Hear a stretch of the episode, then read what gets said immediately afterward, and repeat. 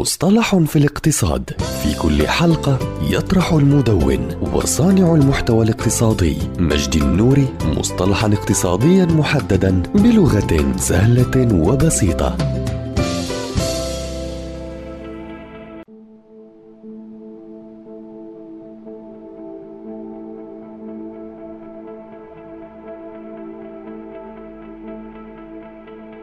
تضخم الائتمان المصرفي هو أحد الوسائل التي تلجأ إليها الحكومات لمواجهة نفقاتها الضخمة وذلك في أوقات الحروب مثلا أو تدهور قيمة العملة في الداخل. وفي هذه الحالة تطلب الحكومة من مصرفها المركزي أن يفتح لها اعتمادا بمبلغ معين ثم تقوم بتسديد التزاماتها تجاه الأفراد بشيكات مسحوبة عليه. ويقوم الأفراد بتقديم هذه الشيكات إلى المصارف التي يتعاملون معها. ولا تقوم هذه المصارف بتحصيل مبالغ هذه الشيكات نقدا وإنما تقيد لحسابها الدائن في المصرف المركزي وينشأ عن ذلك ازدياد الحسابات الجارية للمصارف في المصرف المركزي وازدياد الحسابات الجارية للأفراد في المصارف. وقد يترتب على هذه العملية زيادة في وسائل الدفع التي لا يقابلها زيادة في الإنتاج فترتفع بذلك الأسعار. وتجدر الإشارة إلى أن الحكومة البريطانية كانت قد لجأت إلى التضخم في الائتمان المصرفي عشية